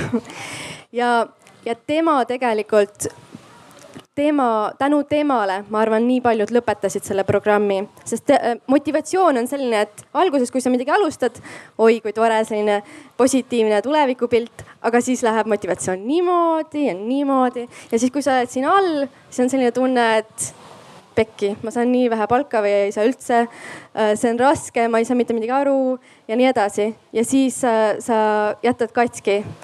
ja kui sul on selline Egert Mitt, kes võtab sul siis käest kinni, helistab sulle, kus sa oled või sa saad hakkama, siis tegelikult see võib muuta, see võib nagu sinu elu muuta. ehk siis minu ettepanek on tagada tugev mentorlus äh, ümberõppijatele mm. -hmm minu ettepanek oli arvestada täiendkoolitusena töötajate osalemist mis tahes nende huvidest lähtuval koolitusel. ja algselt suunasin ma selle tööandjatele. aga tegelikult peaksin selle suunama riigile sest minu teada karistab riik praegu tööandjaid selle eest ja töötaja lubamine sellisele koolitusele läheb tööandjale väga kalliks maksma ja sellepärast nad pigem seda ei tee. aga ma leian, et ei ole mõtet silmakirjalikult rääkida täiskasvanute õpihimu toetamisest kui me ise, ise samal ajal äh, mis tahes uut oskust, uue, mis tahes uue oskuse omandamist heaks ei kiida. Äh, ma arvan, et äh, iga töötaja oleks õnnelik, kui ta sellisele koolitusele, koolitusele lastaks ja kui selle koolituse maksumus kasvõi osaliselt, aga, aga miks mitte täielikult ei kompenseeritaks. ja miks ei võiks olla selline võimalus näiteks mingi asutuse motivatsioonipaketi osa. ma arvan, et absoluutselt kõik oleksid väga tänulikud mul on üks praktiline näide, Swedbank äh, pakub just sellist äh, tasustatud ümberõpet. siis, kui sa oled ise Swedbankis äh, töötaja, siis nad hoiavad sinu nii-öelda palga alles, aga sa võid minna näiteks okei okay,, neil on konkreetselt IT-valdkonda siis ümber õppima. ehk siis selline asi on olemas ja promo Swedbankile, tublid olete. et võib-olla mõned ettevõtjad, kellel siis rahakust jagub, võivad seda veel teha ma jätsin aasta lõpus oma endise töökohaga siis jumalaga ja mul olid aasta alguses eh, mitu vaba kuud.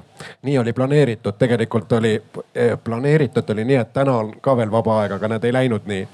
et eh, tegelikult, mida ma oleksin tahtnud ja mida ma nagu tunnetasin, et, et tegelikult nii kui sa sellelt karussellilt maha astud, siis tegelikult sa jäädki kõrvale kui sa uuesti noh, ütleme ei, ei proovi sinna peale hüpata, nii et, et seetõttu sa pead hoidma oma kõrvad lahti, vaatama, jälgima, mis kuskil toimub, kes kuskil äkki sulle märku annab, et äkki ongi need viimased võimalused.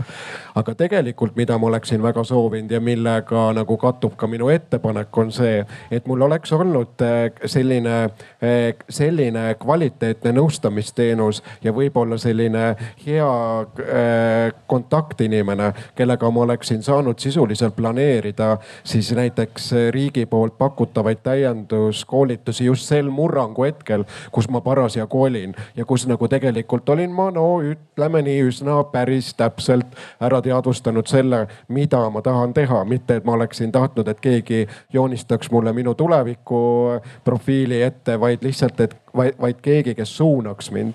ja ilmselt no riigil on siin üksjagu teha, et selle ettepaneku puhul, et, et riik peaks siis tagama, et, et selline tugisüsteem hetkel, kui taaskäivitus toimub, oleks ka inimesel selja taga. nii, ettepanekud on kõlanud võite välja otsida nutiseadmed, hääletada ja seniks annan sõna ekspertlauda. ja aitäh mõtete eest. et et äh, eks tegelikult ju mitmed tugisüsteemid ja meetmed toimivad juba ka täna, et äh, töötukassa pakub tegelikult omapoolset kompensatsioonimehhanismi tööandjatele, kes soovivad äh, koolitada ka oma hetkel juba töötavaid töötajaid, et, et selles mõttes tegelikult see süsteem toimib. ja samamoodi ka tegelikult toimib väga hästi töötukassa vahendusel karjäärinõustamissüsteem, mis alates kahe tuhande kaheksateistkümnenda aasta algusest on siis ühinenud endiste rajajatega rajaleidjate, karjäärinõustajatega, kus, kus samamoodi karjäärinõustajatel on olemas kogu, kogu info koolitustest on olemas siis äh, kutsekoja poolt äh, uuritud OSKA, OSKA uuringud ja nende uuringute tulemused ehk et milliseid ameteid on vaja, milliseid erialasid oleks tulevikus vaja. ja, ja see info on seal kokku koondatud ja inimestele täiesti äh, kättesaadav sellise kaugema tuleviku mõttena, et äh, kui nüüd mitte jääda keskenduma nendele ettepanekutele, aga pigem sellele, mis, mis varem kõlas, et, et äh, laual oli kutsehariduse teema, siis tegelikult nendest erinevatest tulevikku vaatavatest aruteludest strateegia koostamise käigus on päris tugevalt jäänud lauale siis ekspertide ettepanekuna see, et järjest rohkem hakata üldharidust ja kutseharidust omavahel integreerima ja neid, äh, neid õppekavasid äh, sidustatumalt äh, omavahel pakkuma. et noh, tuua näiteks kasvõi konkreetne näide, et, et kui näiteks ähm, kümnenda klassi füüsikatunnis õpitakse midagi elektri kohta, siis, siis saab konkreetsed elektriala katsetused tehagi juuresolevas kutsekoolis siis ähm, vastavates klassiruumides, mis on näiteks elektriku õpinguks kohandatud, et, et sellist integreerimist nähakse ette järjest ja rohkem ja rohkem ja, ja suund sinnapoole on aitäh, paar üldist kommentaari jällegi, et nagu juba mainiti, me alustasime juttu seda paneeli tehnoloogilisest progressist igasuguse tehnoloogilise progressi suur ja üldse ühiskondliku muutuse see suur pluss on see, et sa mitte kunagi ei tea, kuhu see välja viib. ja siis kokkuvõttes ei ole teada, millised on need tegelikult sel hetkel need nii-öelda spetsiifilised erialad, mida, mida, mida luuakse. jällegi mõeldes kakskümmend aastat tagasi mäletan, et siis vist oli suur diskussioon, et Eestis on väga palju puudu keevitajaid, kuna Balti laevaremondi tehasel sel hetkel oli tarvis väga palju keevitajaid. ma ei tea, kas neid praegu jätkuvalt keevitajaid vaja on või ei ole, eks ju, ilmselt on võib-olla ka nii palju ei ole enam. et, et see tähendab loomulikult seda ja kuna fakt on see, et kaasaühiskonnas muutuste kiirus on palju suurem, siis paratamatult meie ühiskond on selline, kus igaüks peab olema kahjuks või õnneks peab olema valmis muutusteks oma isiklikus elus. Äh, ja, ja kuidas seda ja, ja see muidugi tähendab punkt üks seda, et paratamatult, et igal juhul kutsehariduse tähtsus tõuseb. samas selleks, et seda muutusi ja, ja iga inimese elus toimuvat muutusi toetada, see tähendab muidugi seda, et see üldse haridussüsteemi, kutsehariduse, kutseharidussüsteem peab olema ka selles mõttes muutlik ja valmis ennast just nimelt kas siis õppekavade või siis antavate tead-, antavate teadmiste, oskuste, oskuste, oskusi spetsiifiliselt kohandama vastavalt ühiskonnas tööturul toimuvatele muutustele. Nüüd selleks, et need muutused oleks jälle hea omaks võtta inimesel, oleks jällegi vaja, nagu me eelmises plokis rääkisime, teatud sellist baasoskusi, baaselu, eluoskusi, oskusi suhelda, ühiskonna, ühiskonnas tegutseda, see on vast, vast kõige olulisem ja ma arvan, et selles suunas ka kindlasti Eesti, Eesti hariduspoliitika, poliitika kulgeb. ja kui oli juttu siin ka sellest tehnoloogilisest revolutsioonist, siis eh, kahtlemata tõenäoliselt toob tehnoloogiline revolutsioon kaasa ka väga palju muutusi sellistes Eh, sellistes konservatiivsetel elualadel nagu näiteks haridus kokkuvõttes. me eelmises plokis viitasime, kuidas saaks kasutada tagasisidest, tagasi, tagasisidestamiseks näiteks tehisintellekti, aga see, kuidas kasutada kõiki neid infotehnoloogia võimalusi, et fakte või üldse, et, et, et nii-öelda ümbritsevat, ümbritsevat maailma õpi, õppe, õppijale näidata ma arvan, et me oleme alles kuskil väga-väga madalas staadiumis. teine selline valdkond muidugi, kus, kus, kus ikkagi kogu see tehnoloogiline progress alles to, toob midagi kaasa, mis on ka väga konservatiivne, on ikkagi tervishoid loomulikult. aitäh. jah, siinkohal võib-olla lihtsalt tooks huvitava fakti veel lauda, mis äh, nüüd Taneli jutuga mul seostus, et, et äh, kunagi aastal kaks tuhat äh, tehti siis selline uuring, mis, mida Euroopa Komisjon oma raportis ka kajastas, et et aastal kaks tuhat hinnati, et aastaks kaks tuhat kolmkümmend viis äh, siis äh, äh, aastal kaks tuhat esimeses klassis õppivad lapsed töötavad kuuskümmend viis protsenti äh, sellistel ametikohtadel aastal kaks tuhat kolmkümmend viis, mida aastal kaks tuhat veel üldse olemas ei olnudki. ehk et nii-öelda mõte oli siis see, et kolmekümne aastaga võib muutuda nii palju, et meie tööturg ja, ja need hariduslikud vajadused, mida tegelikult äh, meid ümbritsev maailm vajab, et need võivad olla sellised, mida me täna tegelikult veel ette ei kujutagi. et et, et siinkohal igal juhul on, on hariduspoliitiline suund see, et, et inimene peab juba ette arvestama nii-öelda kolme karjääri etapiga, et see, mida sa kaheksateistkümne või kahekümne või kahekümne nelja aastaselt omandad, ei ole kindlasti see eriala, millel sa töötad kuuekümne aastaselt, et nii see lihtsalt on nii, aitäh mõtete eest. ma loodan, et saame kuvada tulemused nii, eh, andaks nende konteksti natuke, siis eh, B-variant, mis hetkel on kõige populaarsem, on mentorite süsteemi loomine ümberõppijatele. Eh, vastavalt siis A on aktsepteerida täiendkoolitusena töötajate osalemist mis tahes nende huvidest lähtuval koolitusel ja C on riigil peaks olema oluline roll täiendkoolituste pakkumisel nii, me ajaliselt oleme jõudnud umbes nii kaugele, et meil on kakskümmend minutit veel. selle kakskümmend minutit võiks pühendada siis, siis veel kord nagu tööturule ja siis erinevatele töötamise vormidele ja, ja tööturu tulevikule. Gea, palju on räägitud äh, nii-öelda Y, Y ja Z generatsiooni stereotüüpsetest ootustest tööandjale, mille võib kokku võtta märksõnadega, et väga paindlik graafik, kõrge palganumber, vähesed nõudmised äh, kvaliteedile ja nii edasi ole nüüd hea, palun aita mul see stereotüüp kummutada ja kirjelda, mida oma tööandjalt ootad või eeldad seoses näiteks tööaja, töökoha valiku, kasvõi tööampsudega ehk siis nii-öelda mitmes kohas töötamisega. et see ei pea peegeldama sinu praegust mudelit, vaid seda, mida sina kujutad ideaalis äh, või ootad oma tööandjalt. ideaalis väga paindlik töö, väga kõrge palk. saan ise valida asukohta ehk siis asukohavabadus, võin olla, ma ei tea, Kagu-Eestis, eks ju, kui ma tahan. selline töö, mille inglise keeles on selline fraas nagu I take pride in something. et sa teed seda kõrge kvaliteediga, sest see on sinu, osa sinu identiteedist, eks ju. et sa lihtsalt tahadki seda asja teha.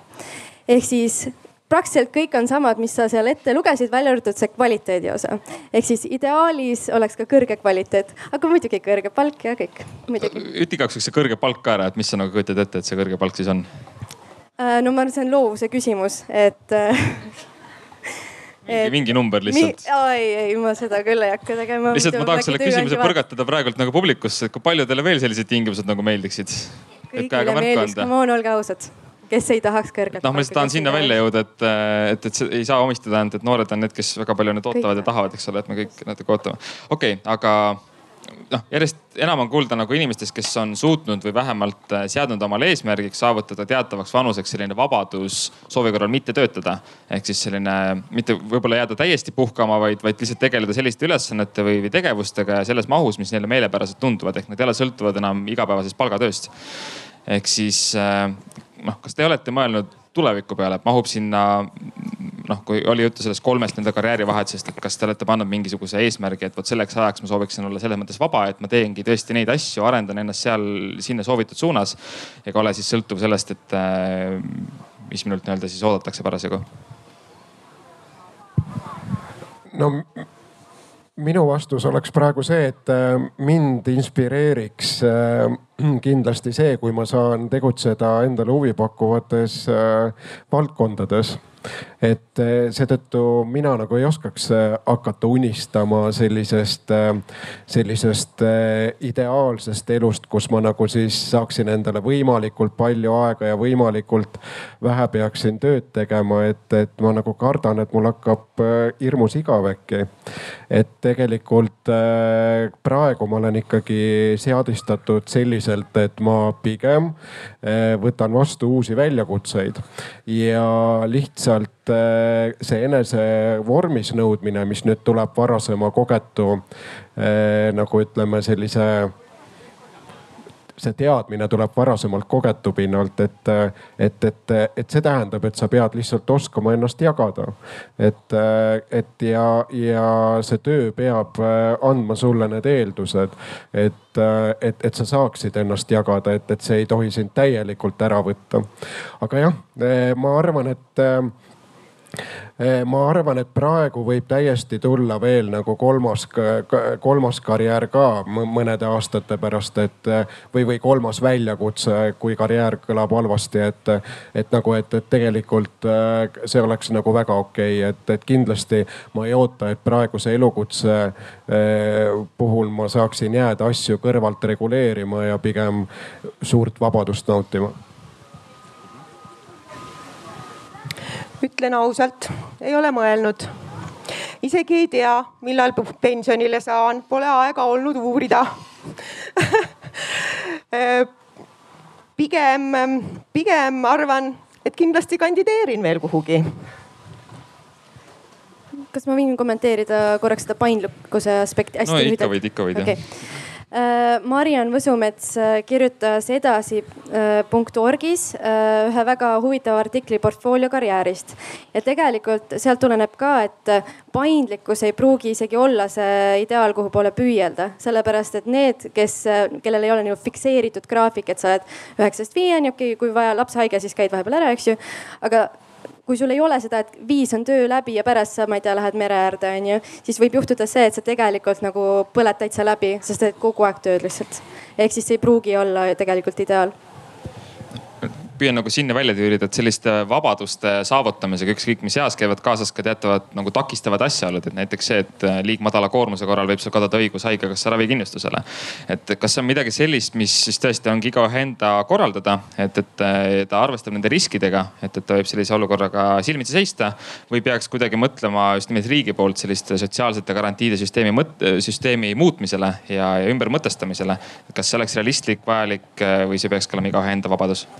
Tegelikult just nüüd kaks tuhat üheksateist tuli üks magistritöö. Äh, juhend oli Gabriel Davids ja tegelikult seal, äh, see oli väga hea magistritöö äh, ka Tartu Ülikooli õigusteaduskonnast, kus ta võttis just need töövormid läbi, mis Eestis on ja loetles need riskid ja ettepanekud. ehk siis minu meelest see oli ülihästi lahti kirjeldatud ja seal olid needsamad ka riskid, et ala, kui sa liiga vähe töötad, et siis sa ei pruugi, eks ju, kindlustust saada. ehk siis ma arvan, et sealt võib-olla saab mingeid ideid arvan, et äh, osalise tööajaga töötamine on täiesti aktsepteeritav, iseasi on see, kas selle palganumbriga rahul ollakse, mida selle töö eest siis saadakse. tunnihind on lihtsalt hästi kõrge.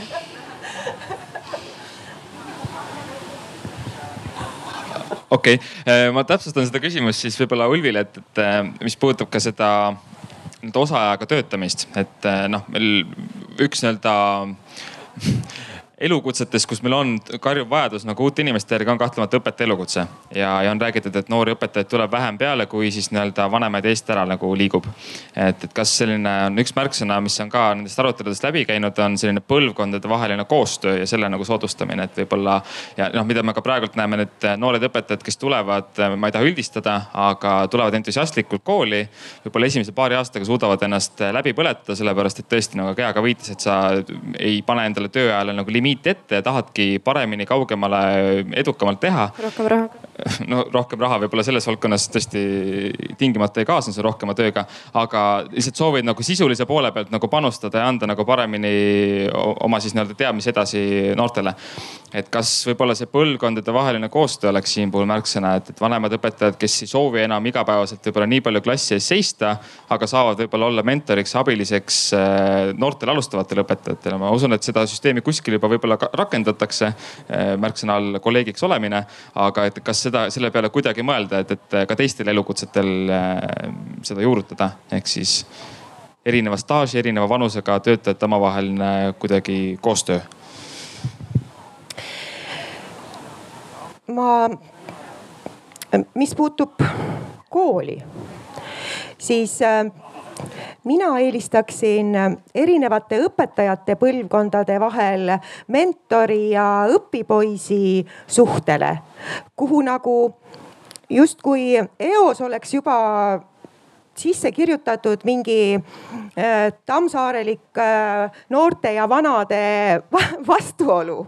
pigem tõesti võrdsete partnerite, võrdsete partnerite suhet et need erinevad õpetajate põlvkonnad õpiksid vastastikku üksteiselt. ja kui me räägime täna sellest, et, et me tahame, et kooli tuleks värskeid innovaatilisi ideid, siis mida oleks minusugusel nendele noortele selles osas õpetada seda kõike uut peaksid nemad minu põlvkonnale õpetama. aga need vanad õpetajad võiksid õpetada neile noortele seda, mida nad oskavad. näiteks seda, kuidas neil on õnnestunud end äh, klassi ees kehtestada. või siis kuidas kolmkümmend aastat end läbi põletamata koolis vastu pidada ja seejuures eh, veel eh, säravaid silmi säilitada. seda võiksid need vanad neile jagada, aga ma väga sooviksin, et, eh, et kaoks koolidest selline suhtumine ühelt poolt, et mida need noored ka oskavad. ja et vanad äh, pedagoogid vaatavad noori pilguga, et parem sööks nad siit välja, oleks rahu majas. aga teiselt poolt äh, suhtumist noorte poolt, kes selja taga oma vanade kolleegide kohta räägivad, et oh, need on nii tagurlikud. Need, äh, need ei saa meist üldse aru ja ei tule meie ideedega kaasa. et ma ma oleksin väga õnnelik, kui, kui selline asi äh, nende õpetajate põlvkondade vahelt kaoks. väga hea, aga siit on paslik kohe liikuda edasi siis ettepanekute vooruni. Äh, kõik see, millest me just praegult rääkisime, need erinevad äh, vormid, ka põlvkondade vaheline koostöö, mis teil selle pinnalt, mis on teie nii-öelda ettepanekud, kuidas, kuidas saaks muuta paremuse suunas? alustame siis jällegi käest yeah ma käisin äh, just umbes kolm päeva äh, Kagu-Eestis. Äh, nägin seal igast tähtsaid inimesi, kes hädeldasid, et raske on maal. ja see on ka õige tegelikult, hädaldamine on vale sõna, nad mm, täie õigusega muretsesid ja probleem on selles, et äh, isegi kui meil need kaugtöö võimalusi tuleb juurde, ma arvan, see portfoolio karjäär, see muutub aina nagu tavalisemaks äh, nii erasektoris kui ka avalikus sektoris. mis ei tähenda muidugi sada protsenti kaugtööd, aga seda tuleb juurde, neid võimalusi siis on jube kahju, kui sa tahaksid oma kaugtöö võimalust ära katsutada, elades näiteks imeilusa Kagu-Eesti looduse vahel. aga sul ei ole seal kooli, aga sul ei ole seal lasteaeda, aga sul ei ole normaalset teed, sul ei ole nagu piisava kiirusega internetti, onju. et siis okei okay,, väga tore nagu sa saan kaugtööd teha, onju, aga noh, ma ei saa sinna siis kolida, eks ju. ehk siis tegelikult minu arust siin riigil on väga oluline roll ja minu ettepanek ongi, et äh, riik peab äh, toetama kohalikke omavalitsusi veel rohkem tulevikus, sellepärast et inimesed ka koonduvad, eks ju, Tallinna ja Tartu. et veel rohkem peab seda, peab seal pingutama ja tegelikult ka ümber jagama. ehk siis äh, siin on veits selline poliitiline vasakpoolne ettepanek. Ähm, ehk äh, jah ja riigi poolt muidugi ka avalikus sektoris äh, kaugtöökohti looma, riigimajad on selleks väga hea võimalus, et ma nägin siin ka ühte rahandusministeeriumi ametnikku, et ta kindlasti on veel targem, et et äh, ma ei tea, kus ta läks, aga igatahes jah, minu ettepanek on see.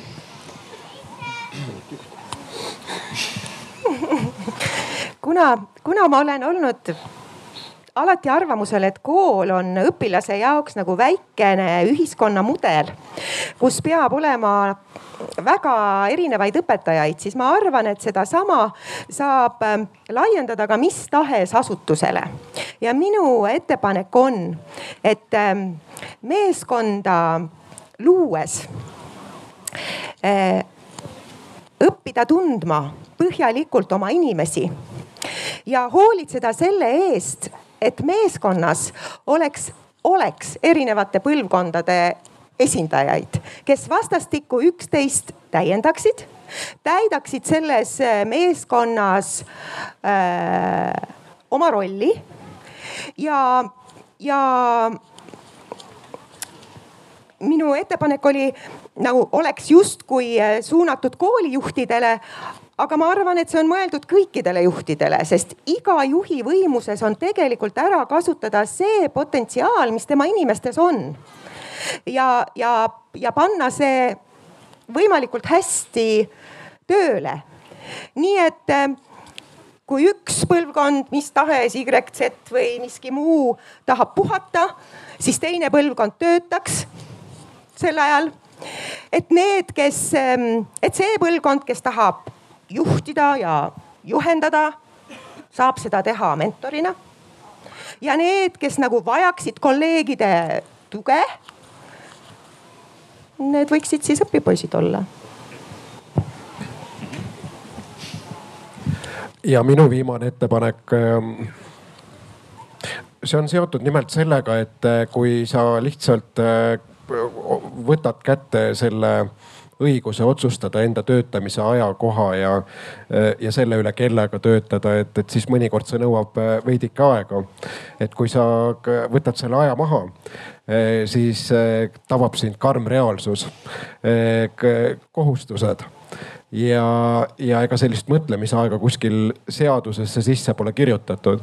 et äh, enda puhul võin näite tuua, et kui oled avalikus sektoris eesliinil panustamisse circa viisteist aastat äh, oma aega pannud, et siis tegelikult ega kui ei oleks taskuid, äh, parajalt äh, sääste täis kogunud, ega siis poleks olnud võimalust nii pikaks järelemõtlemisajaks ka võtta. et, et tegelikult see kalm reaalsus tuleb kallale ja tegelikult teatud tingimustel võiks olla mõeldud nagu nendele regulatsioonidele, mis aitavad kuidagimoodi, kuidagimoodi nagu paindlikumaks muuta nii tervisekindlustuse, töötuskindlustushüvitise tingimusi teatud juhtudel, et sa ei pea olema just äh, töö kaotanud või, või, või koondatud ja, ja nii edasi, et, et peaks olema natukene selliseid äh, ümberlülitamisvõimalusi ka rohkem seadusesse toodud, just nende sotsiaalseid garantiisid. nii, ettepanekud on kõlanud kõik, kellel on äh, käepärast mõni seade, saate asuda hääletama, siis senist kuulame, mida siis rahandusministeeriumi ametnik ja siis äh, riigikantselei, nagu siin enne viidati, arvavad sellest kõigest. ja aitäh.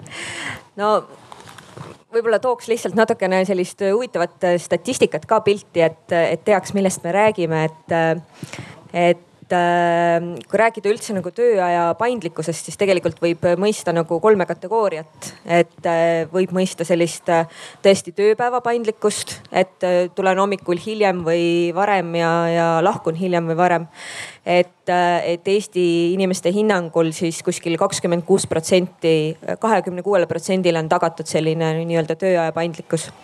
siis teine paindlikkuse komponent on äh, kaugtöö, et ma töötangi seal, kus ma ise soovin.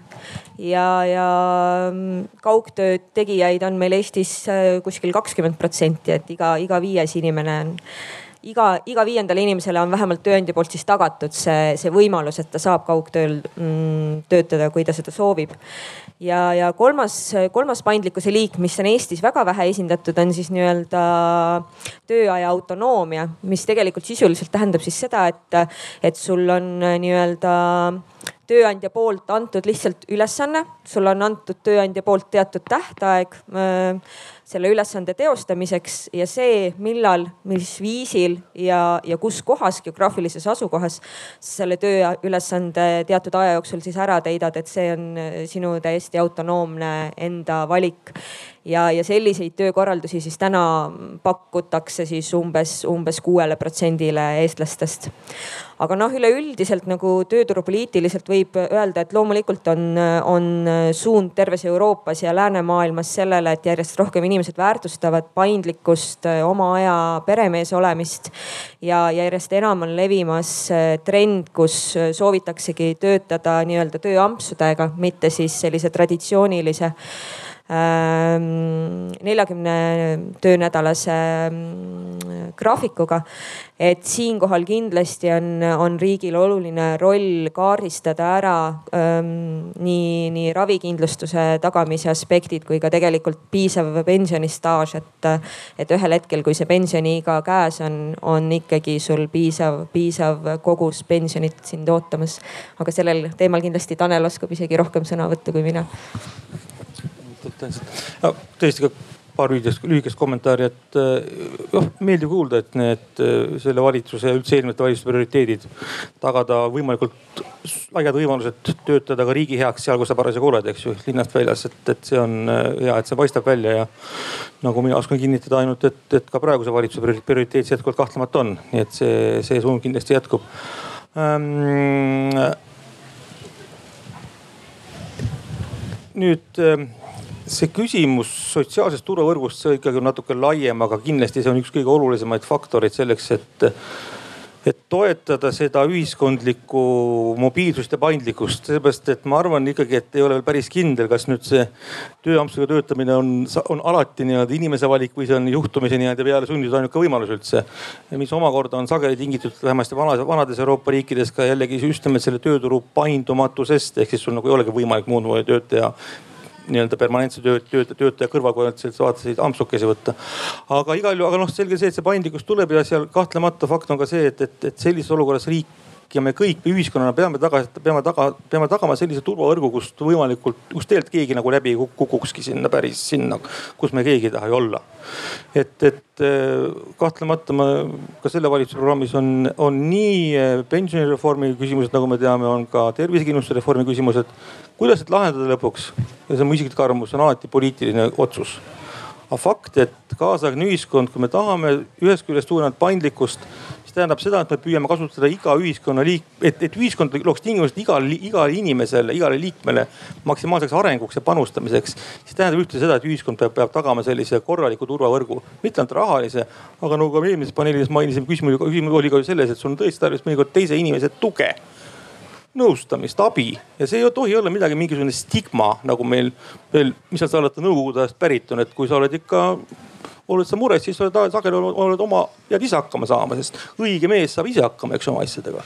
et sellest asjast tuleb nagu loo, see, see mõtteviis peab nagu muutuma. see turvavõrk, mis ühiskond peab pakkuma, see on kahtlemata nii rahaline. aga ta peab olema ka väga palju vaimne. aitäh. aitäh nii, äh, loodan, et saab kuvada ette meie viimase hääletuse tulemused. üpris tasavägine, aga C variant peaks olema tagada sotsiaalsed garantiid, mis võimaldavad vahetada valdkonda. B variant luua riigiasutustes rohkem kaugtöökohti ja A variant meeskonna loomisel peab kaasama mitme põlvkonna esindajaid, et olulised kompetentsid oleks olemas nii, äh, kuna kell on saanud pool neli, arutelu aeg on läbi, siis ma püüan hästi kiiresti kokku võtta äh, mikrofon jõudis küll teie sekka väga-väga harvadel juhtudel, aga sellele vaatamata ma loodan, et eh, see arutelu tekitas mõtteid just nimelt töötamise, hariduse tuleviku küsimustes. ja ma loodan ja usun, et Eesti kakskümmend kolmkümmend viis strateegiaprotsess pakub võimalusi enda mõtete avaldamiseks, kasvõi nende seinte näol, mis seal kõrval on. Ehk siis mõtted on oodatud, loodetavasti leiate sobiva võimaluse panustamiseks. palun sooja aplausi meie ekspertidele ja panelistidele. aitäh